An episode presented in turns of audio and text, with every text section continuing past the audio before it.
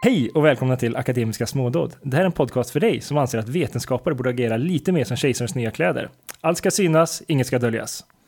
Mitt namn är Simon Skau och jag befinner mig i Göteborg. Och jag heter Kristoffer Sundberg och sitter i Lödöse. Jag heter William Hedley Thomsson och sitter i Göteborg. Jag heter Pontus Brunn och jag sitter i Malmö. Jag tycker att du upp, uh, har up your intro game här, Simon. Tycker det bara blir bättre och bättre för varje avsnitt vi spelar in. Ja, tack, jag försöker. Men vänta, vänta, vänta, men, men, men, men. Innan vi fortsätter, vi måste prata om elefanten i rummet. Det är ju faktiskt så att vi har ju en, en chatt som vi pratar i. Eh, och eh, ofta så brukar alla i gruppen här, det lilla eh, pojkbandet, eh, tycka om att, att, att skriva i, sin, i, i, chatten när jag nattar mina barn. Så jag brukar missa väldigt många av chattarna. Och det kan vara allt möjligt. Till exempel någon gång så vaknade jag, eh, eller vaknade, vaknade, jag kom upp efter att jag hade nattat barnen och så säger jag, jag har jag har över hundra missade meddelanden. Då är det Kristoffer som vill prata om kausalitet i, i någon timme. Eller någon annan gång så är Pontus. Han var jättearg på någon metavetenskapare så han, bara, han gjorde någon rant och det var jättemycket. Det är jättekul att sitta och läsa i efterhand och se vad, vad, vad det handlar om. Men här, här för några dagar sedan så var det så att jag, jag nattar mina barn, jag kommer upp, jag ser, oh, jag har massa missade meddelanden, vad kul. Börjar läsa vad det är, ser att de börjar prata om Star Trek och jag bryr mig inte så mycket, jag har aldrig sett det. Det är lite skitsamma för mig så jag hoppar över, hoppar över. Men så ser jag längst ner när jag kommer ner, likt någon jävla militärkupp vet du, så har ni helt utan min vetskap bestämt att vi ska ha Star Trek som popkulturell referens istället för den uppenbara defaulten Doctor Who. Och visst, uppenbart att det här är ju dessutom eh, det fel, falskt, bara dåligt omdöme från allas tre sida. Och göra det utan mig! Hur, hur, tänkte ni då? Att vi i Akademiska smådåd ska liksom hänvisa till Star Trek som när vi gör så här pop popkultur. För de som inte förstår det här, så. Simon tyckte jättemycket om att göra Doctor Who-referenser i den gamla podcasten Filosofiska smådåd. Och jag tycker om Star Trek. nu, mycket mer än Doctor Who. Och eh, jag tycker också väldigt mycket om Star Trek. Så att det var liksom bara, det blev ju vad det blev. Så Välkommen till Star Trek smådåd. Det här är en podcast för dig som tycker Picard är kanske bättre än Kirk. ja. Hörni, ska vi dra igång med dagens avsnitt? Ja, men det kan vi göra.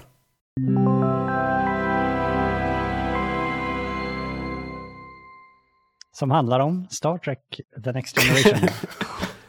Nej, så vi ska försöka avsluta det här med replikationskrisen för vi har ju, det här är nog fjärde minst fjärde avsnittet. Vi kom, det finns säkert ett par intervjuer, någon, någon intervju och någon bonusavsnitt.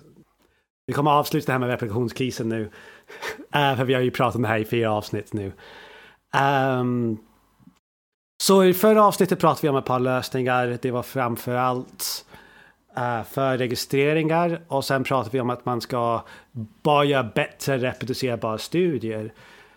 Så nu ska vi prata eh, framför allt om, eller jag vill i alla fall börja med att prata om Open Science eller öppen vetenskap. Är det en bra översättning? Ja, i brist på bättre så tycker jag vi kan kalla det för det. Men... Jag kommer nog kalla det för Open Science. Um, men så det kan man säga är någon sorts rörelse inom vetenskap idag.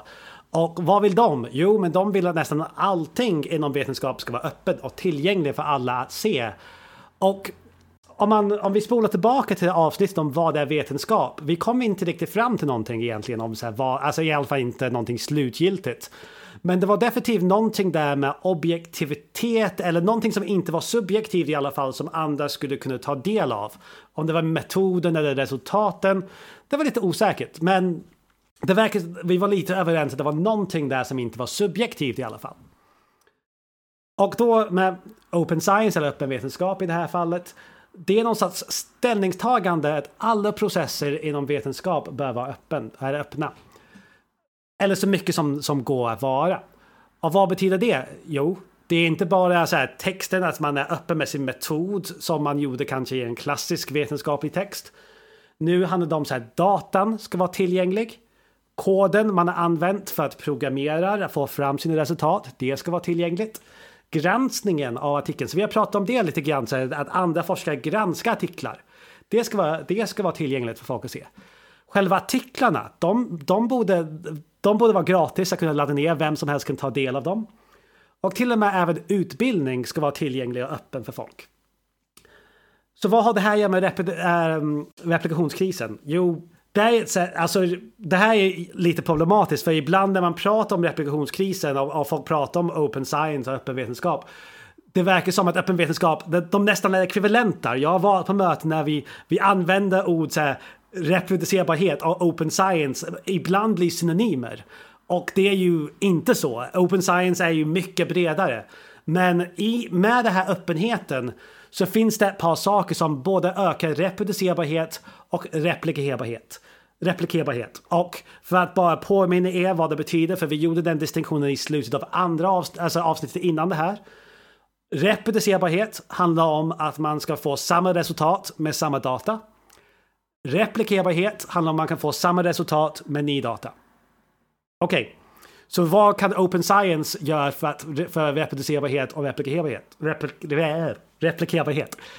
Jo, eh, kod till exempel. Om man delar sin kod så jag har, jag har lite, eh, jag skriver lite kod som analyserar data. Om jag lägger, om jag lägger upp den online då om någon replikerar mina, eh, min, min eh, artikel de kan faktiskt kolla på varje analyssteg jag har gjort. Inte försöka tolka vad jag har gjort utifrån en text. De kan faktiskt se själva analysstegen. Det är som att det finns en film där de ser mig klicka på olika knappar förutom att det är i kodformat. Det även går att rep, eh, äh, repetera min egen analys. Om du har datan och kod då kan någon repetera samma analys. Uh, och det är samma sak om, om det finns mer data tillgängligt. Så om till exempel om jag gör ett experiment, Pontus gör ett experiment och Simon gör ett experiment och Kristoffer gör ett experiment och det är ungefär samma experiment och vi alla har olika hypoteser. Vi kan bekräfta våra egna hypoteser på andras data också. Så, så det blir lättare att göra det här bekräftande forskning om man har öppen data. Jag vill lägga in en parentes att jag har faktiskt publicerat om att det här inte är en, eh, så här, en free lunch där man får göra det här i oändlighet. Men de flesta tror det är okej. Okay. Uh, men så det, och det finns ett par praktiska problem med det här att folk inte vill vara öppen. Alltså det är, för, för, vissa människor är väldigt förvirrade över det här och de, är väldigt, de tycker att allting ska vara tillgängligt. Och det finns artiklar som heter till exempel When should open science just be called science? Så när ska öppen vetenskap bara kallas för vetenskap? De tycker det är självklart att bra vetenskap ska vara öppet. Men samtidigt finns det ett problem, till exempel om man har öppen data hela tiden, då finns det en möjlighet att integriteten av försökspersonerna kommer, eh, man skulle kunna identifiera dem till exempel om man oftast vill att försökspersoner ska vara anonyma. Och sen med öppen kod till exempel, det finns, ett, det finns ett exempel med ett företag som heter OpenAI där de lyckades um, skapar fake, fejka nyheter tror jag det var. Så, som låtsades väldigt, väldigt... Så de skapade ett program som genererade fake nyheter. Och de vill inte släppa den koden på grund av att de tyckte det skulle kunna eh, uh, användas på ett dåligt sätt. Men vissa skulle säga det var dålig vetenskap då. Så det här är lite vad öppen vetenskap gör och hur den kan hjälpa uh, reproducerbarhetskrisen eh, och replikerbarhetskrisen. Och som sagt, jag vill påpeka att öppenvetenskap är inte en underkategori av replikation och replikationskrisen, utan det är någon begrepp, paraplybegrepp för väldigt många saker som kan hjälpa oss att lösa reproducerbarhet av replikationsproblemet. Så. Jag tänker att vi kanske, det kanske är värt att bara understryka en av de sakerna som William tog upp där i början och det var att han sa liksom att eh, Open Science-samfundet vill att alla processer i vetenskapen ska vara öppna och så nämnde William fyra stycken processer, eller fyra Fem, viktiga. Fem kanske var till och med. Alltså, det jag skrev ner var data ska vara öppet, analysen ska vara öppen i kodform, granskningen av artikeln ska gärna vara öppen för alla att, att kunna ta del av och artiklarna själva ska vara fritt tillgängliga. Sista och jag, utbildning. Och det sista var att utbildningen ska vara, ska vara tillgänglig också. Men just de här fyra första kan man ju tänka sig att, alltså om det sitter någon där som inte är vetenskapare och lyssnar på det här, om vi har några sådana lyssnare så kan man ju tänka sig att, men det är självklart, men alltså traditionellt har inga av de här dataanalysen i kodform, granskning, artiklarna, artiklarna själva, har inte varit öppna och fritt tillgängliga traditionellt sett. Det har varit suttit bakom lås och bom. Eller så här kallad betalvägg då, då för, för, för artiklarna. Eh, så jag vill bara understryka det så att man förstår varför det här liksom open science är en del av en reform eller en revolution lite beroende på hur man vill se det. som ska vara en dellösning då till replikationskrisen i, i psykologi och andra vetenskapliga fält. Nej, jag vet inte, men spontant så här då, så de här fem, inte fyra, fem eh, komponenterna eh, slår mig som ganska, som lite olika. Så de första tror jag kändes lite mer, ska vi kalla dem teoretiska eller intravetenskap, liksom inte så politiskt laddade kan man säga. Som att koden ska vara eh, öppen, datan ska vara öppen och sådär. Och på ett sätt kan jag lite grann förstå liksom, folk som säger att detta är bara ett annat namn på vetenskap just för att ja, men det har funnits vetenskapsfilosofer som Popper till exempel som just uppmärksammar den här öppenheten och liksom, transparensen och att man ska kunna kritisera varandras arbeten, att det är liksom ett stort kännetecken för vetenskap. Så då kan jag liksom sympatiserar lite grann med att folk tänker att men detta är ju bara bra vetenskap. Eh, men den sista där, att utbildningen skulle släppas fri, det känns som att, ehm, att det är en liten annan jag vet inte vad jag ska kalla det, genre känns helt fel, men att det, är liksom, att det tar in en annan dimension i, i debatten. Eh, men man kan, alltså jag tror alla har en viss politisk dimension, eller i alla fall en ekonomisk dimension. Eh, nej, eller politiskt framförallt, för just med fri... Så just Alltså det finns, alltså jag såg fem begrepp, det finns ett par andra. Det finns ett par, för det finns jättemånga som pratar om öppen vetenskap eller open science. Och pratar så här hit och dit om olika saker. Och det, det har nu kommit ett par artiklar som försöker säga okej, okay, det här är definitivt ett paraplybegrepp. Det finns folk där borta som pratar om det här. Det finns folk här borta som pratar om det här. Och det verkar, det verkar Folk brukar vara för open science, men de brukar vara för en sak inom okay. Eller ett par saker inom det här. Man skriver men, inte under så, på hela kontraktet utan man kan välja. Man kanske tror på principen men man ofta kämpar för en av de här sakerna. Okay. Eller en eller två. Så, så de som säger om en all kod ska vara öppen. Mm. De brukar inte säga också att man borde inte kunna äh, ta avgifter för att gå i skolan. Okay. På, på, universitetet. Men okay. det finns... Ja, men det, det, var, det var en bra förklaring för att det kändes som att annars kanske ja, men jag kunde se för mig vissa sorters människor som var ganska positiva till de där första kriterierna men som kanske ville trycka på bromspedalen när vi kom till de där senare eh, kriterierna. Ska vi, ska, vi, ska vi försöka sätta utbildning inom parentes? Okej, okay. men det finns även människor som tror verkligen att de bara kör på till exempel open access. Alltså så det är tillgängligt att kunna läsa alla artiklar. Och de är, inte, de är knappt medvetna på att det finns de här andra debatterna om open science heller. Att det är så snävt att de gör open science och open science betyder fritt tillgängliga artiklar. Så det finns... Ja. Så, ja, men alltså all... vilket du gör, men det är ju som sagt bara en delmängd då av open science. Precis, men alla som jobbar inom en open science-grej eller så här, är med i rörelsen är inte ansvarig för hela rörelsen, är inte ens medveten om hela rörelsen. Skulle även, bara för att se vart gränsen går för Open Science, skulle även det vara fri tillgång till um, instrumenten också? Ja, absolut. Det är en stor del av det som jag tänker är en liksom, käpphäst för många. Om vi menar instrumenten som analysverktyg. Nej, jag menar PET-maskinen. Eh, jaha, jaha, eller, nej, förlåt. Eller jag tänkte på djuren eller till eh, deltagarna. Nej, då, då missuppfattar jag vad du syftade på Simon. För jag tänkte på analysverktygen, alltså mjukvaran vi använder, att den ska vara open source och eh, gratis. Alltså vi ska använda programmeringsspråk och analysverktyg i våra datorer som egentligen vem som helst kan ha tillgång till. Nu när de, är, de flesta är så himla bra. Men, Men när det kommer till, till hårdvaran, då vet jag inte om det är så många som förespråkar. För det är så svårt att se hur det skulle gå till. där? Det är därför det där utbildningen faktiskt kommer in. Att se till att det inte är, finns några stängda dörrar för viss hårdvarugrej. Utan det, vi ska tillåta folk att komma in och utbilda sig. Men det är inte så att man skulle tillåta vem som helst att komma in och döda möss. Ja, eller, ta, eller liksom för att operera IG-maskinen. Alltså det, ja. det, det, är inget bibliotek på det viset. Jag vet inte om man skulle kunna tänka sig. Alltså all forskning kräver ju också etiktillstånd. Så att det, det finns ju liksom många olika lager du måste ingen... gå igenom innan du kommer fram till det. Ja, fast det är inte en... Ja. Det är inte en anledning för att man inte skulle få tillgång till det. Det är bara att ta ett körkort till exempel. Om man väl har ett körkort så har jag tillgång till din maskin. Men körkortet är bara tre års, eller så här fem års utbildning. Alltså det är bara ja. ett långt körkort. Eh, det här kanske är för tidigt i diskussionen för att ta detta.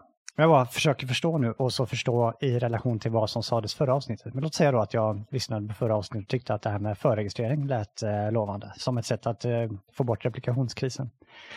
Och så kommer detta då, Open Science. Hur, eh, hur förhåller de två till sig? Om jag redan har liksom skrivit under på eh, förregistreringskontraktet, behöver jag då ta till mig av detta Open Science? Eller, eh, eller tvärtom, är de är de alternativ, exklusiva alternativ eller kan jag köra på bägge två? Eller är det så att om vi har open science så behöver vi inte förregistrering, kan vi kasta bort det? man kan absolut se förregistreringen som en underkategori av open science tror jag. På grund av att det handlar om att man är öppen med sina hypoteser innan. Så Mm. eh, Nej, Det är oj, skulle jag verkligen inte hålla med om. Alltså op- Open Science skulle väl ha en, eller så här, förregistrering kommer ju från den vetenskapliga metoden egentligen, hur våra hy- hypoteser, hy- hypoteser egentligen fungerar, hur våra statistiska metoder fungerar. ja, men en förregistrering, en förregistrering för att kunna vara en förregistrering måste vara tillgänglig för andra att läsa. Du kan inte säga jag har gjort en förregistrering men ingen annan får se det. Det måste Alltså, jag- vara någonting som är tillgängligt för Ja, alla. jag håller faktiskt inte med om det. Jag tycker man kan göra interna förregistreringar för sig själv och sin egen forskningsgrupp. Det är Alltså, absolut, behö- men det är inte nödvändigtvis det som är lösningen för replikationskrisen som vi pratade om i förra avsnittet. Nej, jag försöker bara få den att, att den skiljer sig från Open Science. Alltså, jag skulle kunna publicera en förregistrering, men de lägger först upp den när min data kommer, till exempel. Oftast så man tidsregistrerar det Mm. innan eh, man gör det. Men man kan lägga det privat tills man släpper sina resultat. Men det fortfarande ska vara tillgängligt. Så okej, okay, jag kan köpa Pontus argument. Det är möjligt att man kan ha en förregistrering som inte är öppen. Som, eh, det, är- det är absolut möjligt. Men det tappar en del syfte med varför man gör det. Om man inte är för sin intern grej. Men vi pratar inte om förregistreringar för att man skulle vara intern. Utan att man skulle maximera sin tillit för andra forskare. Och man kan bara maximera sin tillit för andra forskare om den är öppen. Skulle folk påstå. I, som, Okej, jag försöker bara liksom förstå för att ni presenterar från början som att nu kommer vi ta en rad olika möjliga lösningar till replikationskrisen och försöker se, då lät det först som att vi skulle ha en lista med exklusiva alternativ. Men okej, nu förstår jag att det är lite mer komplicerat, att det här kanske open science är lite ett paraplybegrepp kanske som innefattar flera lösningar. Nej men så är det nog. ab- absolut. Alltså du har helt rätt att Alltså, för det var det jag försökte förtydliga i början. Att man ska inte tycka open science är en lösning i sig till replikationskrisen. Det är någonting mycket större. Det är en rörelse som ska behandla andra problem än bara replikation. Den försöker lösa saker som, ja men, vi har pratat förut att vi finansi- finansieras av skattepengar. Då borde, vi, då borde eh, folk som betalar skatt ha tillgång till vetens, den slutprodukten av vetenskap, alltså tillgång till de här vetenskapliga artiklarna. Och därför kämpar de för öppen tillgäng, alltså open access till vetenskapliga artiklar. Det är inte en lösning. Att, att artiklar ska vara fritt att läsa är inte en lösning till replikationskrisen. Utan vissa delar av open science, som öppna förregistreringar, som öppen data, som öppen kod. Det är sätt att lösa uh, replikationskrisen. Och även någonting som jag har skrivit om, öppen explorativ forskning. Men det är väldigt nischad och någonting som typ bara jag har skrivit om. Men Så man kan ju tänka sig att personer som förespråkar öppen vetenskap, det generellt korrelerar då med personer som gillar att göra och förespråkar förregistreringar. Så de två går garanterat hand i hand. Och som William säger, det ena är väl liksom en undergrupp till det andra. Så att min erfarenhet är ju att det här är en del av en rörelse inom vetenskapen, någon slags konter, kontrakultur eller någon slags reformrörelse. Och generellt då kommer ju alla de här lösningsförslagen diskuteras ju av vissa personer som driver liksom en bred front fram, framåt för att ändra vissa tveksamma forskningspraxis som vi ser inom fält. Ja, jag, har, jag har aldrig träffat någon som är för förregistreringar men har varit emot open science. Då, För jag, jag, skrivare jag, kommer, förresten. jag kommer ta den positionen idag. Inte för att jag faktiskt nödvändigt har den, men jag känner att den behövs tas. Kör på den Simon. Eh, Nej, men hur tänker du då Simon? Nej, men, Vilken är du för då? Är du för förregistreringar inte open science eller för Nej, open men, science inte alltså, förregistreringar? alltså, för jag, alltså, jag ser hur, en, hur, om man är för open science, att, att, man, kan, att man är också för förregistreringar. Men jag, jag kan också se hur den är hur, hur man kan vara för förregistreringar men inte för open science-delen. För att den är inte en nödvändig del av det. För att till exempel, vi har ju sett till exempel med Gillberg-caset som ni säkert vet vilket det är, att eh, man måste ge Ta den Simon. Ja, du får det. recappa det väldigt fort Simon. Eh, vad Gillberg, gud, jag har eh, den bråket alldeles- handlar om. alldeles för dålig koll. Men ehm, okej, Gillberg är en psykolog, psykiatriker här i Göteborg som gjorde studier kring, vad var det, autism? eh, Autism och anorexi.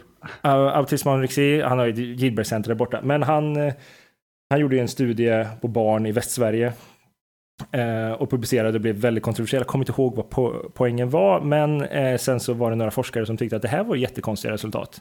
Ehm, så de bad dem kolla på hans data. Eh, och han sa nej, jag har, eh, jag har lovat föräldrarna och deltagarna att ingen ska få se på det här. Eh, och det slutade, det, det tog upp tingsrätten och samtidigt så tog hans, hans labbkollegor och fru och brände alla papper och sånt här och han fälldes. Sen har han tagit upp det här igen nu till Europadomstolen och jag tror han blir fälld igen. Men kontentan av det här är att någon kommer alltid, man kommer alltid behöva ge tillgång till någon att granska ens data. Det är liksom en del av jobbet eh, att forska, att man måste eh, ge möjlighet till att om någon vill granska att man gjort korrekt så ska man kunna visa datan. Det betyder inte att datan, man ska lägga upp den som open eh, på, en, på en server eller liknande. Så villkoret att någon kan kunna, om de är intresserade, att kolla på hur data, eh, om man hanterade datan rätt, finns redan.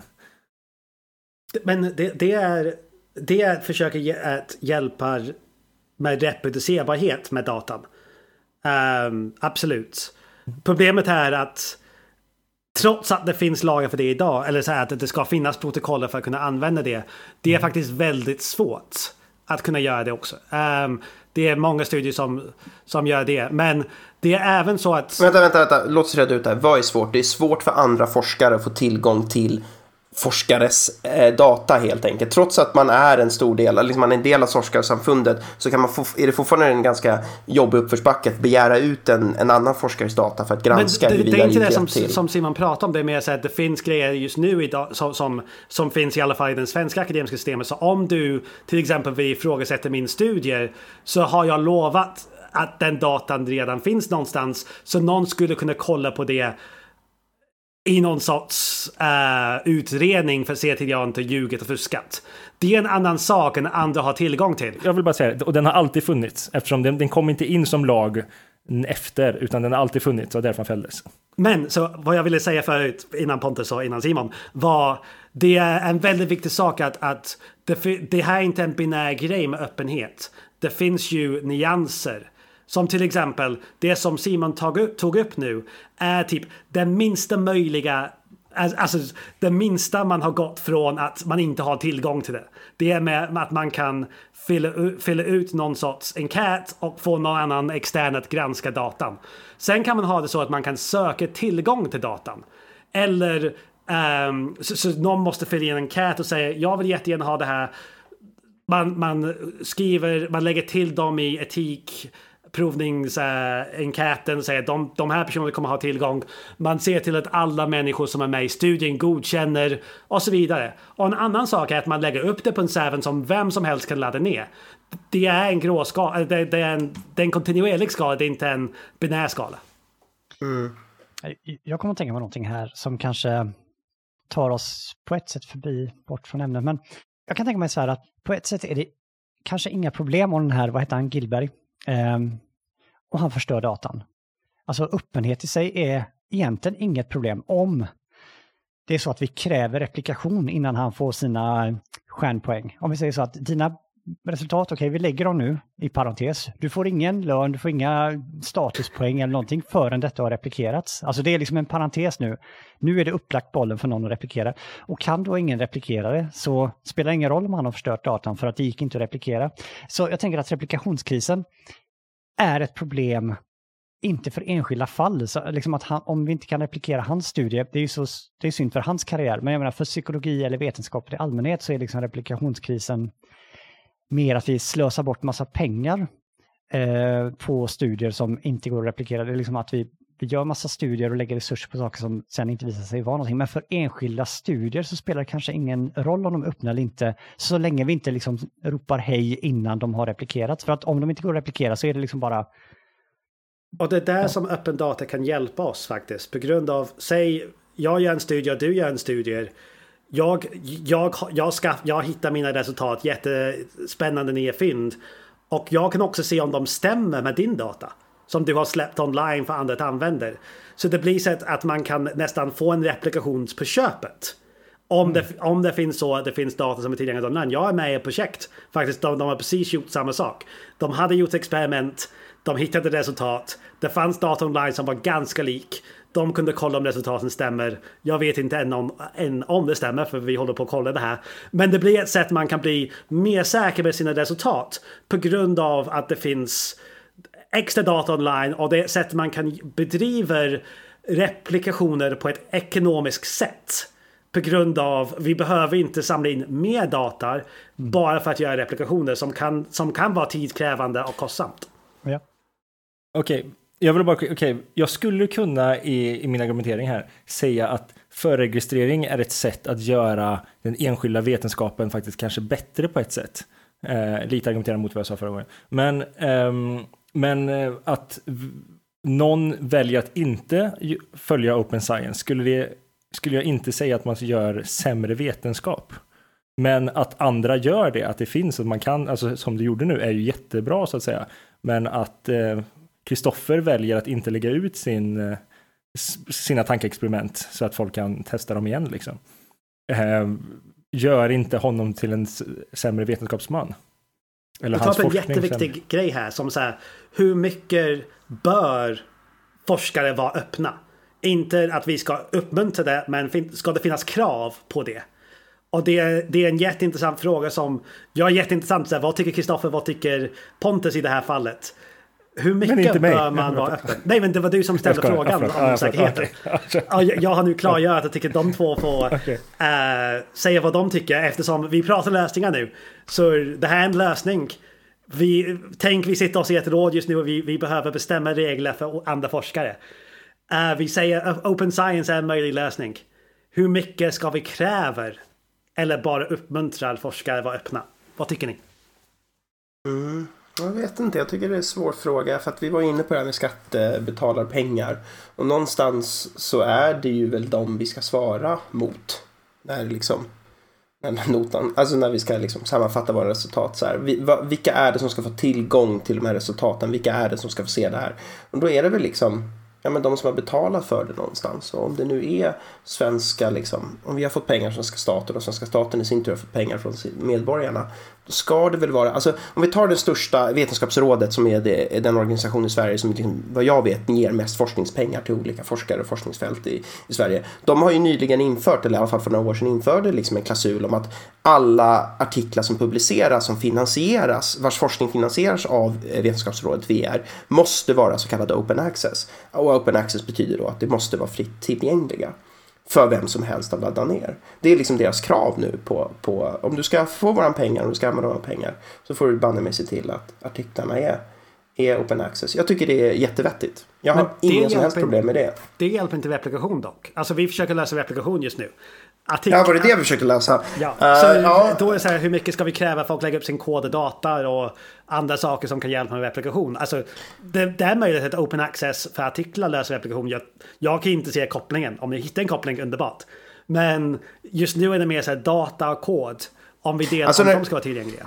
När det kommer till data, alltså jag skulle älska att kunna få dela all min data, men när det kommer till mitt forskningsfält så verkar det vara extremt problematiskt just för att vi liksom forskar på ganska känslig psykiatridata och det är enorma lager av regler och etik och ännu mer regler. Så att det, vi har ju kämpat ganska länge, jag och min tidigare forskningsgrupp på Karolinska Institutet, att försöka klura ut vad får vi, vad får vi inte dela. För kommer man från eh, Open Science-samfundet och Twitter-bubblan så får man lätt liksom, känslan av att allt ska delas. Skicka upp allting bara på, på liksom en, en, en öppen server på internet. Men det är inte så enkelt, i alla fall inte inom det fältet eh, jag, jag verkar i. För den data vi har, vi får, verkar inte få dela den. Det finns jurister någonstans, gubbar i gråa kostymer som sitter och säger nej.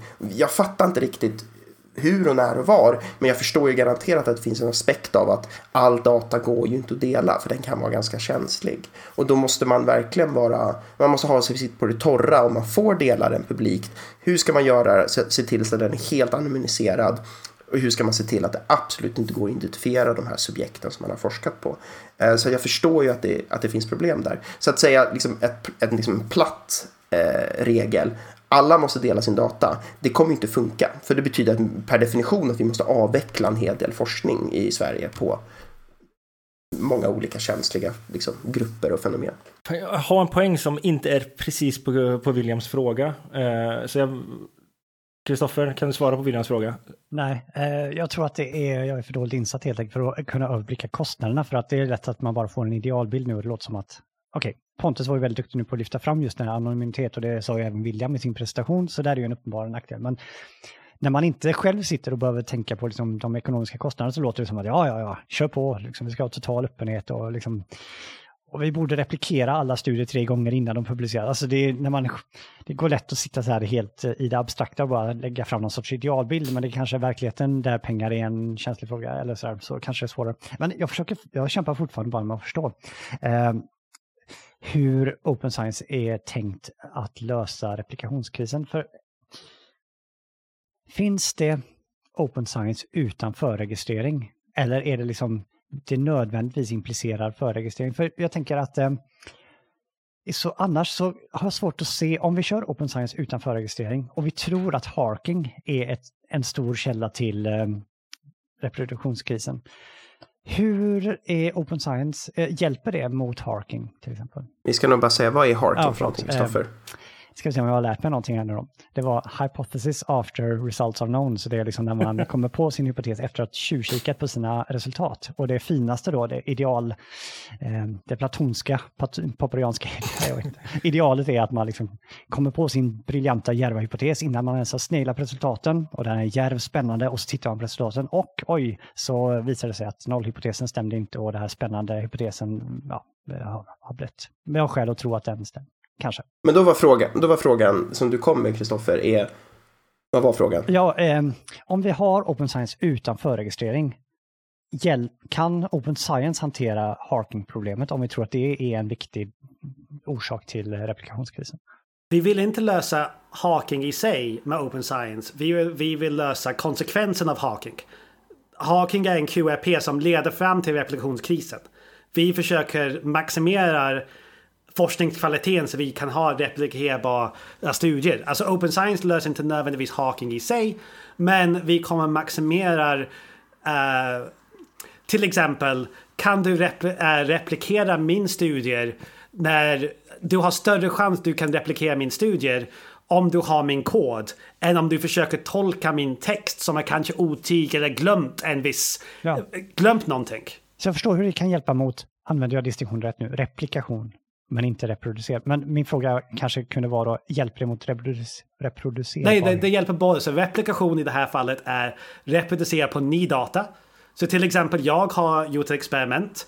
Jag har min kod som jag fick fram mina resultat på.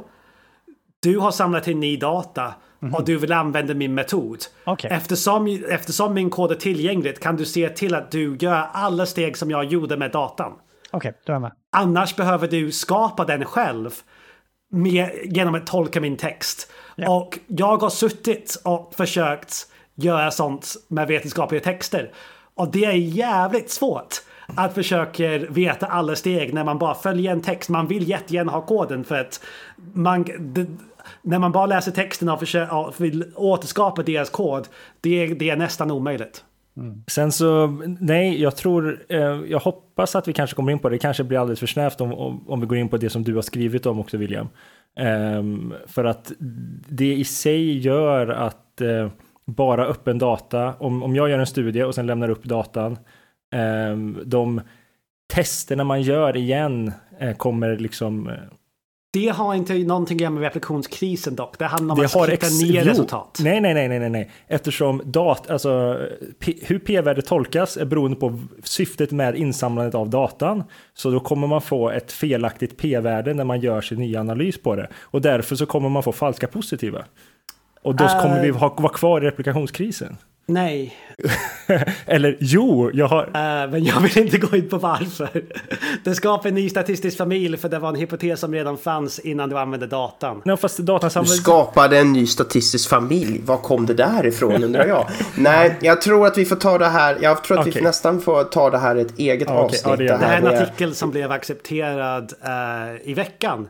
Så det är väldigt nytt och fräscht och jättespännande som, som Simon refererar som jag är jätteglad för. Men det är överkurs för det här avsnittet.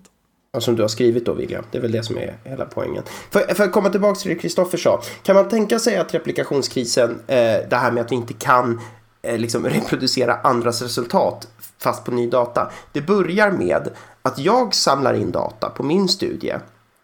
Strunt, strunt i om jag har harkat eller inte, om jag liksom, eller om jag har en väldigt sund prediktion och sen samlar in data.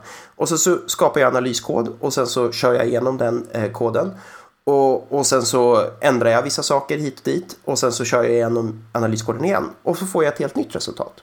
Alltså, kan jag ens replikera reproducera mina egna resultat? Så att första gången så hittar jag ett positivt fynd.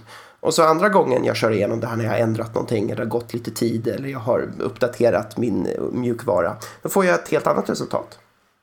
Då har vi ju ett problem i det lilla. Att jag inte kan replikera, eller i det här fallet kallar vi det för reproducera mina egna resultat. Det måste vi åtgärda först. Det måste vi åtgärda innan vi går till liksom det här större fenomenet. Jaha, när William samlar in data så kan han inte alls liksom få samma resultat som jag fick. Och där tror jag Open Science kan ge en lösning. Genom att om jag måste dela min kod, om jag måste dela min data, så blir det ju väldigt tydligt. Alltså när jag har kunnat dela min data, dela min kod, då har jag verkligen suttit och nagelfart allt. Alltså jag har ju verkligen kollat igenom allting och kört det här så många gånger från alla håll och vinklar så jag är helt säker på att det här ger ett och samma resultat. Ah, Okej, okay, så det är inte liksom, så redan det faktum att du vet att någon kommer att verkligen kunna granska detta gör att du blir en, en hårdare självkritiker? Gör att jag blir en bättre forskare. Vil, vilket är ju inte det vi ska argumentera, alltså, så, det är ju, då är det ju det vi argumenterar för. Då, är det alltså, då skulle man kunna då, om man tar min position i den här debatten, att vi ska försöka, vi ska, eh, i reviewprocessen så ska koderna reviewas. Inte att koderna ska läggas fram. Jag, för just den här ja, jag tycker väl att koderna ska vara tillgängliga för reviewers som vill försöka reproducera resultaten. Nej, inte för att alltså, reproducera, vara... alltså, utan det positiva i det här fallet var att du gjorde din kod bättre för att du visste att du skulle lägga ut den. Och då är det att försöka få koden bättre, inte att nödvändigtvis lägga ut den. Jag gjorde, hela min anal- jag gjorde nog hela min analysprocess bättre, som jag visste att det här nu skulle vara fritt tillgängligt. Från början av studien till slutet av när jag verkligen laddar upp det eh, och gör det publikt offentligt. Så hela processen blir liksom mer transparent, eh, mer eh, genomarbetat, mer genomtänkt. Eh, därför jag vet att det här kommer gå upp. Det är ju det, liksom, den psykologiska konsekvensen av att alla liksom, ska börja dela sin data. När du inte kan sitta och gömma dina egna liksom små eh, fulanalyser och konstiga tricks och eh, flippningar i Excel hit och dit så, så blir det ju liksom, det blir ju en bättre process. Därför vi ska inte glömma bort att väldigt många av de här falska positiva, väldigt många misstagen vi gör i forskning görs ju på grund av att vi sitter och flipplar med data och oftast begår misstag som vi inte ens är medvetna om själva. Till exempel att en kolumn i, en kolumn i Excel eh, går från att vara text till datum till att bli siffror. Och så matar vi in det i en analys och så får vi ett resultat. Och så har vi liksom ingen aning om vad egentligen vi har gjort med datan. Och det här kan ju någon annan se och identifiera. Ännu bättre om jag själv kan se och identifiera det när jag gör min quality control, min kvalitetscheck. Men om jag misslyckas med det och delar den här koden och delar den här datan, då kan ju William titta på det. Nej, vad konstigt resultat, säger han. Går in och tittar på min kod och säger, men herregud, din Excel-kolumn här har ju blivit gått från text till datum till siffror. Inte så konstigt att du får ett väldigt signifikant resultat här. Men, och det, och det är väldigt sant, men eh, jag skulle ju även kunna få din, eh, din eh, kod att bli bättre genom att hålla en pistol mot ditt huvud och säga är ja. du helt säker på att den här är bra? Men, ja, men absolut. det, det, vill jag inte att du gör. Man, man kan också men, göra precis som Kristoffer sa förut att man tar bort lönen för någon tills deras studio har replikerats. och det var väldigt extremt. Sa du det? Sa Kristoffer det? Ja, att Gillberg äh, skulle ta bort lönen. Ja, i och för sig lönen, varför inte? Men att eh, vi liksom inte hyllar någon förrän de har ja. replicerat. Alltså, det här är, jag har tänkt säga det i tre avsnitt ja. i rad nu, men så här när jag växte upp och fick höra talas om så här vetenskap, medicinsk forskning så här, så är jag ganska säker på att jag blev lärd att nej men ett resultat betyder ingenting förrän det har reproducerats. Så all medicin som bla bla bla, det är liksom, de får fram ett resultat men alla väntar och håller andan tills det har reproducerats och sen blir det gjort. Så gick jag naivt omkring och trodde att... Fast ja, de men... har lite hårdare kriterier in, inom medicin eller eh, medicintillverkning. Ja, idag har de det, men om vi går tillbaks 10-15 år så hade de ju inte det. Men visst, alltså, jag, jag förstår Kristoffers poäng att någonstans så kanske en lekman förutsätter att det är så vetenskap fungerar. Att du, du måste vänta in replikationer innan man ska slå på den stora trumman. Men jag tror tyvärr att vissa fält har ju absolut frångått det. Och eh, det finns liksom inte incitament att invänta en eller två eller tre eh, replik riktiga replikationer innan man säger den första studien kan vi nu få ut och publicera och faktiskt marknadsföra eller liksom vad vi nu vill göra med den här, de här resultaten. Utan det är liksom en studie och så vidare till nästa. Eftersom man ska dela med hela världen så är det jättenervöst. Alltså första gången man gör det så är man jättenervös. Alltså antingen måste man ha jättebra självförtroende eller lära sig att komma över det helt enkelt. För det är jättesvårt och för alla forskare som kanske lyssnar på oss för någon anledning som är rädd för att dela sin data. Alltså det krävs en enorm um, öppenhet som man kanske inte lär sig på något annat sätt och man måste vara ödmjuk på att, på att man kanske får det här feedbacken men för det känns som när man får negativ feedback, det känns som det påverkar ens ego för man jobbar ju med det här hela tiden. Men Målet är ju vi ska förbättra vetenskap och så länge man inser att alla misstag man hittar, det är bättre att någon hittar ett misstag och man korrigerar det än att det finns en dold kod någonstans som ingen någonsin ser som det finns ett misstag i flera år. Det leder fram till, äh, till problem med replikation och reproducerbarhet. Att dela sin kod och folk har misstag leder inte till replikation eller reproducerbarhet. Det kanske leder till lite egoproblem, men det måste man komma över.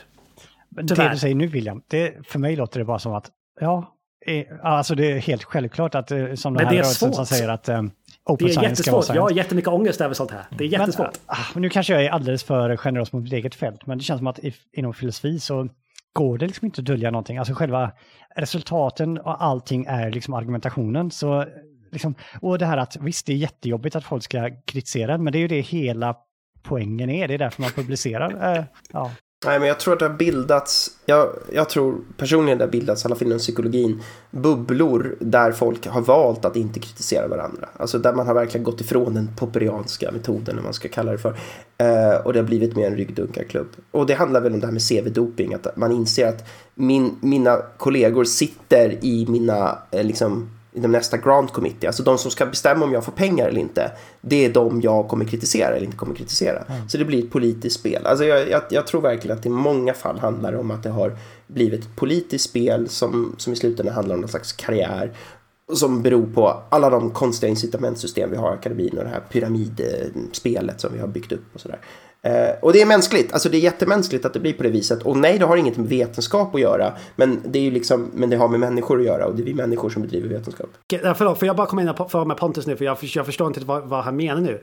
Men du, när man kritiserar andra, det har med att göra med, politi med politik. För jag tror, jag tror inte att lägga saker öppen har någonting att göra med politik. Nej, jag tror jag menade snarare att liksom innan Open Science-reformen liksom började komma, om man tänker sig att varför är folk, eller generellt, varför är folk motvilliga till att kritisera sina kollegor, alltså eh, sina forskningskollegor på samma universitet eller andra universitet som bedriver forskning inom samma fält. Och jag tror det i stor utsträckning handlar om att vissa fält har skapat alltså ryggdunkarklubbar istället. Att man eh, har tidigare inom till exempel socialpsykologi varit väldigt försiktig med att kritisera kollegor trots att man har på känn att den forskningen är helt galen och det här kan inte stämma och vi ser absolut inte närheten till de här effekterna. Eh, men man har valt att inte gå ut med det offentligt. Eh, eller liksom inte ens valt att kontakta den forskaren och säga så här, det här tycker jag är konstigt. Därför man är, men det blir väl bara liksom en skapas en bubbla där man liksom inte vågar komma med den kritiken. Vilket förstås går emot vetenskap, men som sagt då, då är det inte här vetenskap utan det är väl det jag kallar för politik. Kristoffer har några väldigt bra anekdoter från konferenser med filosofer och psykologer där det här varit väldigt extremt tydligt. Jag tänkte om det hade varit snyggt okay. att få in. Nu, nu, nu ska Kristoffer berätta en anekdot. Oj, press. Men ja, jag var på en, en konferens i eh, Köpenhamn där det var framförallt eh, medvetande filosofer men också några psykologer. Och där tyckte jag, men det här blir väldigt anekdotiskt och liksom snacka om taskig eh, induktiv slutledning baserat på... Ja, men det gjorde ju Pontus också. Okej, okay, men där, min uppfattning där var, eller psykologerna sa rent explicit att de var väldigt förvånade över hur en filosof, för det var en filosofikonferens, hur vi betedde oss. Å ena sidan så var vi så kritiska under Q&A, alltså frågestunden efter var liksom det självklara att man bara kastar sig över den som har pratat och verkligen bara försöker göra sönder det de har sagt. Och att det sa hon eh, var liksom att det är liksom diskussion så förekom inte enligt eh, de där, utan där är det lite mer så här, har du tänkt på den här? Eller liksom man ställer frågor om metod kanske, så där. men inte så här det kanske inte är så konstigt eh, eftersom man där har empiriska data medan i en filosofi så är liksom argumentationer du just har lagt fram är datan så att den liksom är liksom mer tillgänglig omedelbart för alla i rummet på nästan samma villkor. Eh, förutom då att den som presenterar förhoppningsvis haft lite längre tid på sig att tänka på det men eh, annars har liksom alla på samma villkor. Men den andra största skillnaden var att när konferensen officiellt var slut och det var middag så vad gör alla filosofer? Jo, alla bara fortsätter att prata om eh, talksen och det är på ett sätt så är det där de riktigt, alltså det är min erfarenhet också, att ofta får man sina bästa, mest konstruktiva kritiker vid middagen efteråt när alla sitter och dricker en öl och då kommer verkligen den längre diskussionen. Och det tyckte hon var helt märkligt att på alla psykologi så är det liksom att så fort konferensen är färdig så pratar folk om vad som helst men inte jobb medan filosoferna är liksom det är bara, då fortsätter man och liksom, jobbar på riktigt när man ja, pratar. Jag fick flashbacks till eh, en konferens förra året där jag var, jag var med ungefär fyra psykologer, en filosof, en typ filosofisk statistiker. Och vi tre, den filosofen, filosofisk statistiker och jag satt fram till två, alltså ungefär sju timmar och diskuterade saker. Medan de fyra andra bredvid oss som tog öl undrade vad fan vi håller på med. Alltså min, min upplevelse är också att man är jäkligt försiktig med att kritisera någon som går upp och har ett sånt här talk. Att äh, även om det är helt uruselt upp på väggarna fel. Eller liksom bara att någonting är fatalt fel så är folk så fruktansvärt försiktiga att liksom framföra. Man, man lindar in den kritiken eller man säger ingenting. Eller man säger vi låtsas inte om så någonting. Eller liknande. Alltså jag, jag, jag tror att det finns jag vet inte om det handlar om att man är så fruktansvärt rädd för att såra någon. Men jag tror framförallt att det fortfarande handlar om att man är jäkligt rädd att stöta sig med vissa forskare och vissa professorer som har väldigt prominenta positioner. Det där är ju en kulturell grej. Jag håller inte med. Ja, jag tänkte säga det precis. Det är väldigt svensk. Uh, I andra länder ja så upplever jag inte det här. Ja, jag skulle verkligen inte säga att alltså, de konferenserna jag har varit på har varit extremt osvenska. Eh, jag, alltså det är ändå ett internationellt forskningssamfund. Jag tror det snarare handlar om mitt fält. Precis. Den bubblan som har skapats i mitt fält. För att inom filosofi så känns det som att det är liksom, man alla förväntar sig att det är liksom blodhundar direkt efter, alltså, och sen kan alla vara vänner, men alltså då blir det, om det, om det är normen så blir det heller inte personligt att oh, du kritiserar mig, utan det är liksom, det är vad alla gör och då blir det heller liksom inte kanske lika känsligt i den här pyramiden. Okay jag har en svart svan här så ni får lyssna på mig. Eller Skånegås. svart Skånegås nu vill jag. Um, men um, ja, så alltså jag, jag var på Stanford och där hade de psykologigrejer varje vecka. Där det var bara slakteri av hypoteser. Alltså det var så här. Problemet var det var för brutalt. Mm -hmm. uh, att de skulle bara slakta vem som helst, man skulle kritisera allting. Tanken var så här, man fick inte ha, man skulle prata en timme om man hade fler än fem slides. Då var man alldeles för ambitiös, man skulle aldrig komma så där långt. Jag tyckte det var ett hemskt miljö. Alltså jag vill inte ens gå på dem för det var motsatsen av en, en, ett produktiv diskurs. Men det var, jag har upplevt att det finns sån där stämningar som finns. Alltså, och de, de har till och med försökt förbättra nu så jag vill inte säga det här det, avdelningen på ett universitet är hemskt. Men um, och de, de, har, och de har förbättrat det. Men var det, var det internt? Det var inte ändå en konferens öppen för alla? Det, det var internt men de bjöd in externa människor. Så det var ändå kritik mot externa människor. Uh, och, och det, det, jag vill säga så, men det här har ju att kunna försvara sig i en grupp och låta bra retorisk. Det har inget att göra med reproducerbarhet. Att dela sin kod, alltså människor som var där, inte nödvändigtvis dela sin kod. Människor som låter bra i ett seminarierum. Det betyder inte deras arbete är nödvändigtvis mer reproducerbart. Jag är nästan mer skeptisk mot människor som låter som försäljare som står upp och pratar framför mig. Så, är, äh, ja, verkligen. Jag håller, för en gångs skull så håller jag med William till 100 procent. Eh, men det är någonting som vi pratar om QRP inom filosofi och det är någonting som jag stör mig väldigt mycket på när det finns män, men även kvinnor. Alltså är du tillräckligt stor och häftig så kan du komma undan med nästan vad som helst. För vissa av de här är liksom, de är så stora i sina egna ögon att allting bara rinner av dem och de kan bara med en barsk stämma bara få bort precis vad som helst och då är det liksom inte, det är liksom, det har förlorat sitt syfte lite grann då. Men uh, vi har pratat lite om open science nu och hur det kan hjälpa med replikation och reproducerbarhet. Som förra gången, vi, som med förregistreringen, vi tog en lång och en kort lösning. Och nu ska vi prata lite kort och Pontus, jag tror du ska presentera en kort lösning för oss. Okej, okay, vi tar upp ett till förslag på hur man ska kunna lösa replikationskrisen som är relaterat till Open Science. Men vi tyckte ändå att det här kunde vara värt att diskutera liksom separat.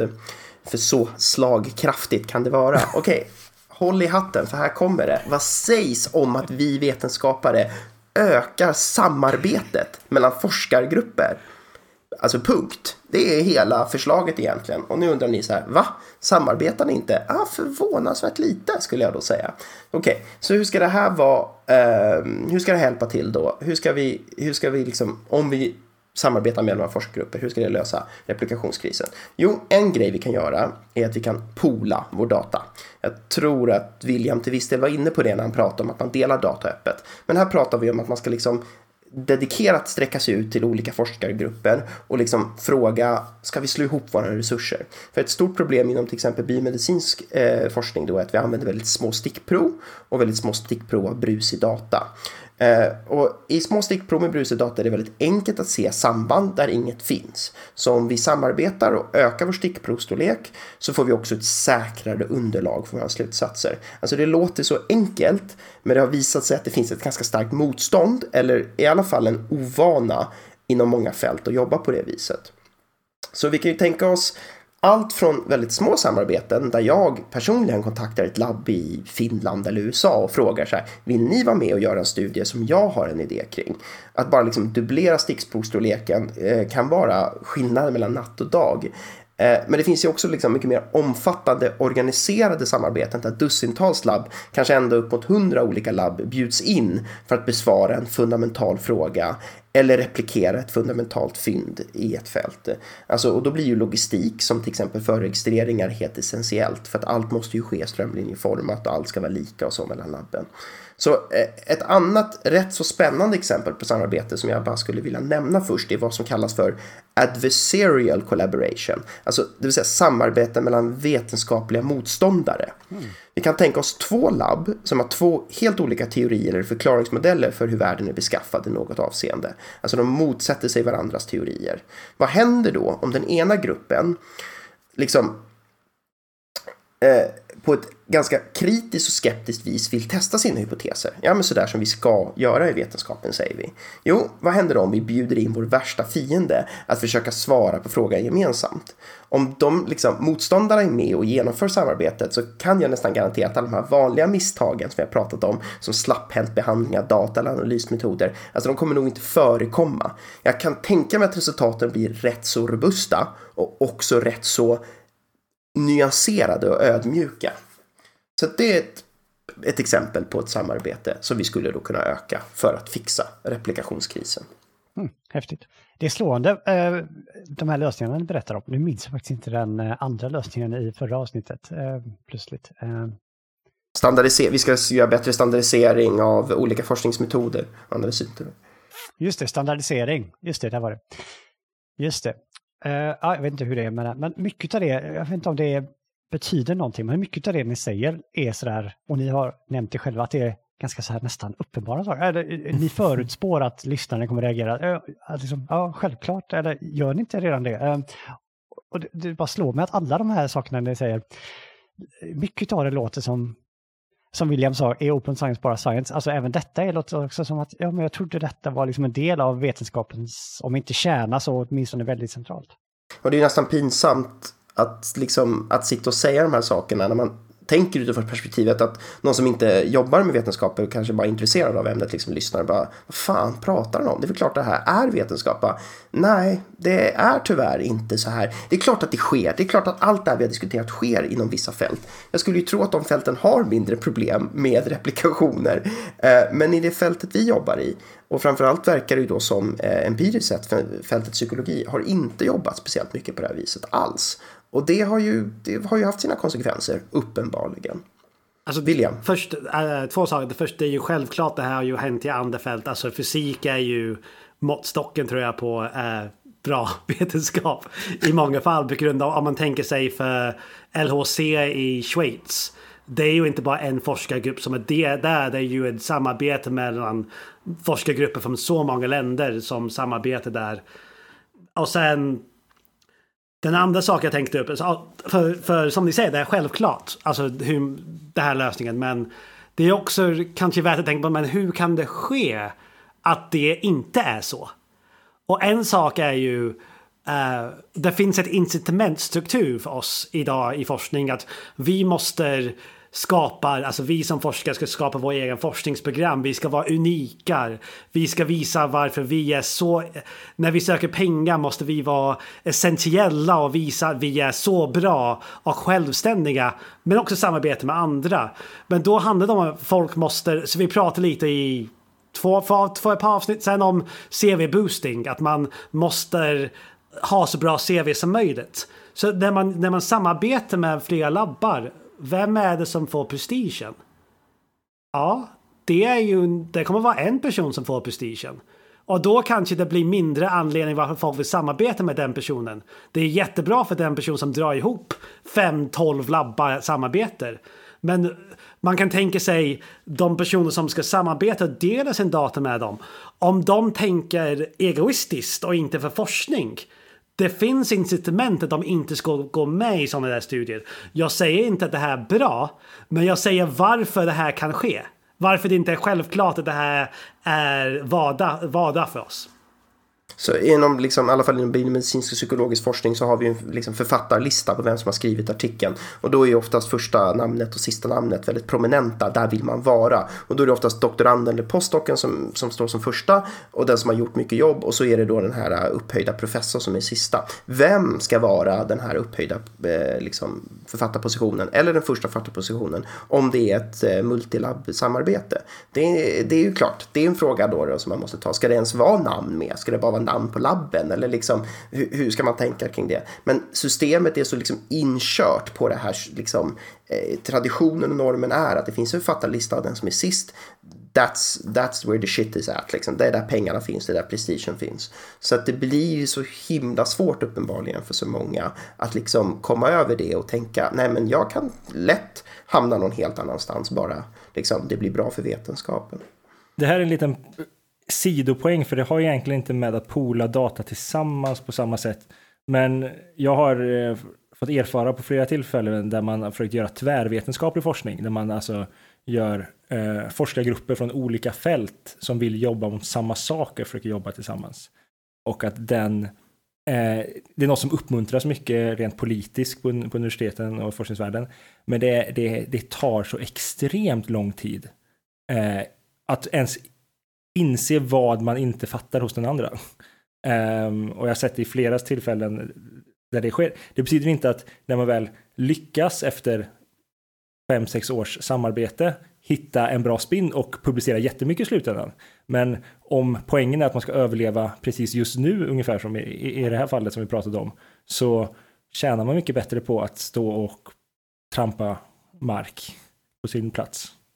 För att inte tala om de, liksom, den logistiska lösningar som måste till för att liksom, samarbeta och dela data. Jag har faktiskt deltagit och organiserat ett par samarbeten mellan olika labb och det är en det tar enormt mycket tid för den personen som liksom organiserar. Att eh, samla in data, att strömlinjeforma allting, att kvalitetschecka allting och se till att allt liksom görs på det, det, och skicka mejl fram och tillbaka. Det är ett enormt jobb. För det finns inga, det finns, inom mitt fält återigen, inom biomedicinen så verkar det finnas ganska begränsat med infrastruktur och standardiseringar kring hur det här ska göras. Och återigen, då är vi tillbaka till open science. Att liksom, kan vi pusha in sådana reformer så kanske det blir lättare att, att samarbeta. Det blir förmodligen mycket, mycket lättare att samarbeta mellan olika labb då på ett mer organiserat vis. Men det finns en, en jätteintressant sak som hände här. Som är, det här är ju jätte, jättebra. Men samtidigt, det här får inte vara det enda som forskare gör heller. Det måste vara så här, man måste hitta en balans med de här multicenter replikationsstudier. För och tyvärr har jag inte studien framför mig. Jag önskar vi, jag, jag visste om det här. Att jag skulle, alltså jag skulle vilja prata om det här innan podcastavsnittet. Skulle jag kunna citera studien. Men det finns en studie som visar till exempel att sam, de som samarbetar mycket tillsammans. De skapar väldigt, de gör väldigt bra forskning som, som kanske är inom dagens forskningsparadigm. Så det vill säga de, stand, alltså de förväntade resultaten som fältet ska hitta. Men om man ska göra någonting jättenytt och jätte, en jättestor innovation. Det brukar inte komma från de här samarbeten. Det brukar komma från en person som står åt sidan som upptäcker någonting nytt och gör någonting nytt. Så må- Så lösningen med det här, man ska inte gå så här, okej vi behöver ha fler samarbete, fler applikationer. Då kör vi bara det. Utan vi måste ju hitta en gyllene balans över samarbete och replikation och tillräckligt mycket vi får vara själva och tänka lite och hitta nya saker.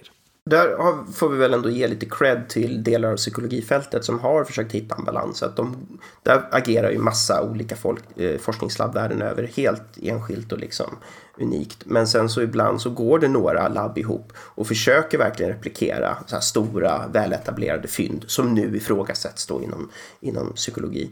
Och i, oftast misslyckas de, men ibland lyckas de väl också eh, med sina replika, så här multicenter replication. Ja, alltså Eh, Och då, har de ju, och då har de hela paketet. Då har de förregistreringar och i bästa fall har de så här registrerade rapporter, registered report. Och de har öppen data, de har öppen kod och de låter alla granska protokollen innan och efter och under och sådär. Så där brukar ju hela paketet komma in. Men, men så de har väl till viss del hittat en, en, en, en balans kring just liksom, hur mycket ska det vara av båda sidorna. Vi ska väl bara få in det biomedicin mer också tänker jag. Kristoffer ser skeptisk ut. Har du någonting att säga Kristoffer? Jag sitter och tänker på ett lite mer övergripande perspektiv. Nu när jag har hört er prata om ganska mycket så tänker jag lite grann på den här eh, någonting ni sa precis i början av förra avsnittet. Där, eh, jag vet inte hur allvarligt det var, men ja, om ni kunde liksom bota min eh, förtvivlan, eh, är ett för starkt ord, men eh, min eh, oro kring det jag har fått höra i föregående avsnitt angående problemen och sådär. Och ni har ju presenterat nu fyra olika lösningar och som ni redan har antytt så finns det många fler. Och det låter ju bra, lovande. Alltså det fanns mycket, det är, liksom, det är betryggande att höra att folk verkligen har tänkt på detta och det är liksom, verkar vara lösningar som adresserar en del av de här problemen. Men en sak jag har tänkt på nu är en sorts, eh, för att använda knöligt ord, en sorts metaproblematik, eller ska vi säga en lösning till lösningarna. Alltså, okej, vi har nu konkreta förslag på hur vi skulle kunna lösa det, men flera av förslagen när ni har presenterat dem har ni liksom lyft fram problem i, låt säga, ska vi säga implementering eller um, hur ska vi få, alltså den här incitamentstrukturen och så här, hur ska vi få de här lösningarna att faktiskt bli populära eller att bli spridda? Alltså det tycks som att, ja på ett sätt så har vi liksom lösningar på olika saker, men på ett sätt så mycket av problematiken fortgår i liksom strukturen för att om ingen liksom uppmuntras, tvingas, ja, jag vet inte vilket ord vi vill använda, att gå till de här lösningarna så kanske de inte förändras så mycket. Så liksom, min oro är på ett sätt stillad genom att okej, här har folk verkligen tänkt till och kanske har en del finurliga sätt att kringgå detta. Men innan jag kan lita på att det faktiskt kommer få resultat, att folk kommer använda det, så är det svårt att säga, så att bli helt trygg i, i de här lösningarna. Så har vi då ett lösning, lösningsförslag till lösningsförslagen, eller eh, lösningsförslag på hur de här ska bli implementerade. Det låter som att det, det är något som vi saknar. Och Det jag, enda jag tänker mig då är det väl att det här, liksom, det här eh, reform rörelsen inte får alienera för många forskare, liksom inte får göra för många fiender, utan man måste vara inkluderande och försöka få med så många på tåget. Det finns naturligtvis delar av rörelsen som kan vara ganska toxisk och ganska så här hatisk och verkligen vara så här arg, liksom passionerat arg. Till viss del kan man ju säga med rätta då, för det har ju varit begått några oegentligheter här genom åren som, kan, som man ska ha rätt att vara arg över. Men liksom ska vi ta det här vidare? Ska vi få folk att börja? Ska vi inte bränna ner allting utan ska vi tänka oss att men vi måste liksom renovera huset snarare än att vi ska bara börja om från, från 1900-talets början? Så måste man ju liksom få med sig folk på tåget och hur gör man det? Jag vet inte, man försöker vara så inkluderande som möjligt och eh, hålla god ton och allt det där. Och så finns det ju en enorm debatt då inom rörelsen. Nej, det ska vi inte alls göra. Nu ska vi ut med, med, med facklorna och eh, vad heter det, högafflarna. Eh, och där, där finns ju återigen alla, alla liksom åsikter rymda inom en och samma rörelse. Eh, jag tänker, i alla fall nu, där jag befinner mig i min karriär, att ska vi liksom kunna vända den här skutan så måste vi få med oss folk på tågen, helt enkelt. Och eh, vi måste försöka inkludera så många som möjligt och acceptera att alla kommer inte gilla och acceptera alla lösningar. Och alla kanske inte heller behöver ta del av alla lösningar och alla fält. Liksom. Det, kommer, det kommer liksom inte funka att tvinga på one size fits everything. Liksom. Men um, jag tycker det, är- det är... Så Christo, äh, förlåt, Pontus tog upp i första monologen tror jag. Över hur stort det här har blivit inom de här fälten. Att man, det inte gick att ignorera längre problemet. Så det har varit folk för 20 år sedan, för 30 år sedan, för 40 år sedan i, i tidskrifter ibland som pratade om problemet och ingen brydde sig. Men nu har vi nått en punkt där vi bryr oss. Det finns, det, vi, har hit, vi har nått en kritisk massa som bryr oss. Inom, inom psykologi Inom i alla fall. psykologi i alla fall. Men problemet i alla fall finns inom de mjuka vetenskap. Krisen finns inte i fysik på samma sätt. De har till och med varit öppnare än vad vi har varit under de senaste åren eh, och, och så vidare. Så det är då vi är i det här problemet där vi försöker hitta de bästa eh, lösningarna. Vi har inte hittat alla lösningar, men folk vill hitta lösningar. Det är det som jag tycker man ska, när, vi, när man slutar från, uh, lyssna på det här avsnittet och slutar på den här serien om replikationskrisen. Vi försöker lösa det här nu och det är ett aktivt fält där vi kanske tyvärr bråkar för mycket med varandra och säger så här, nej men den lösningen är bullshit och så vidare. Men vi, för, vi försöker ändå gå framåt och det, är inte, så, så, och det har gått så långt att folk som inte ens som är inte riktigt intresserade av sådana här frågor, alltså att debattera dem, de vill bara göra bra forskning.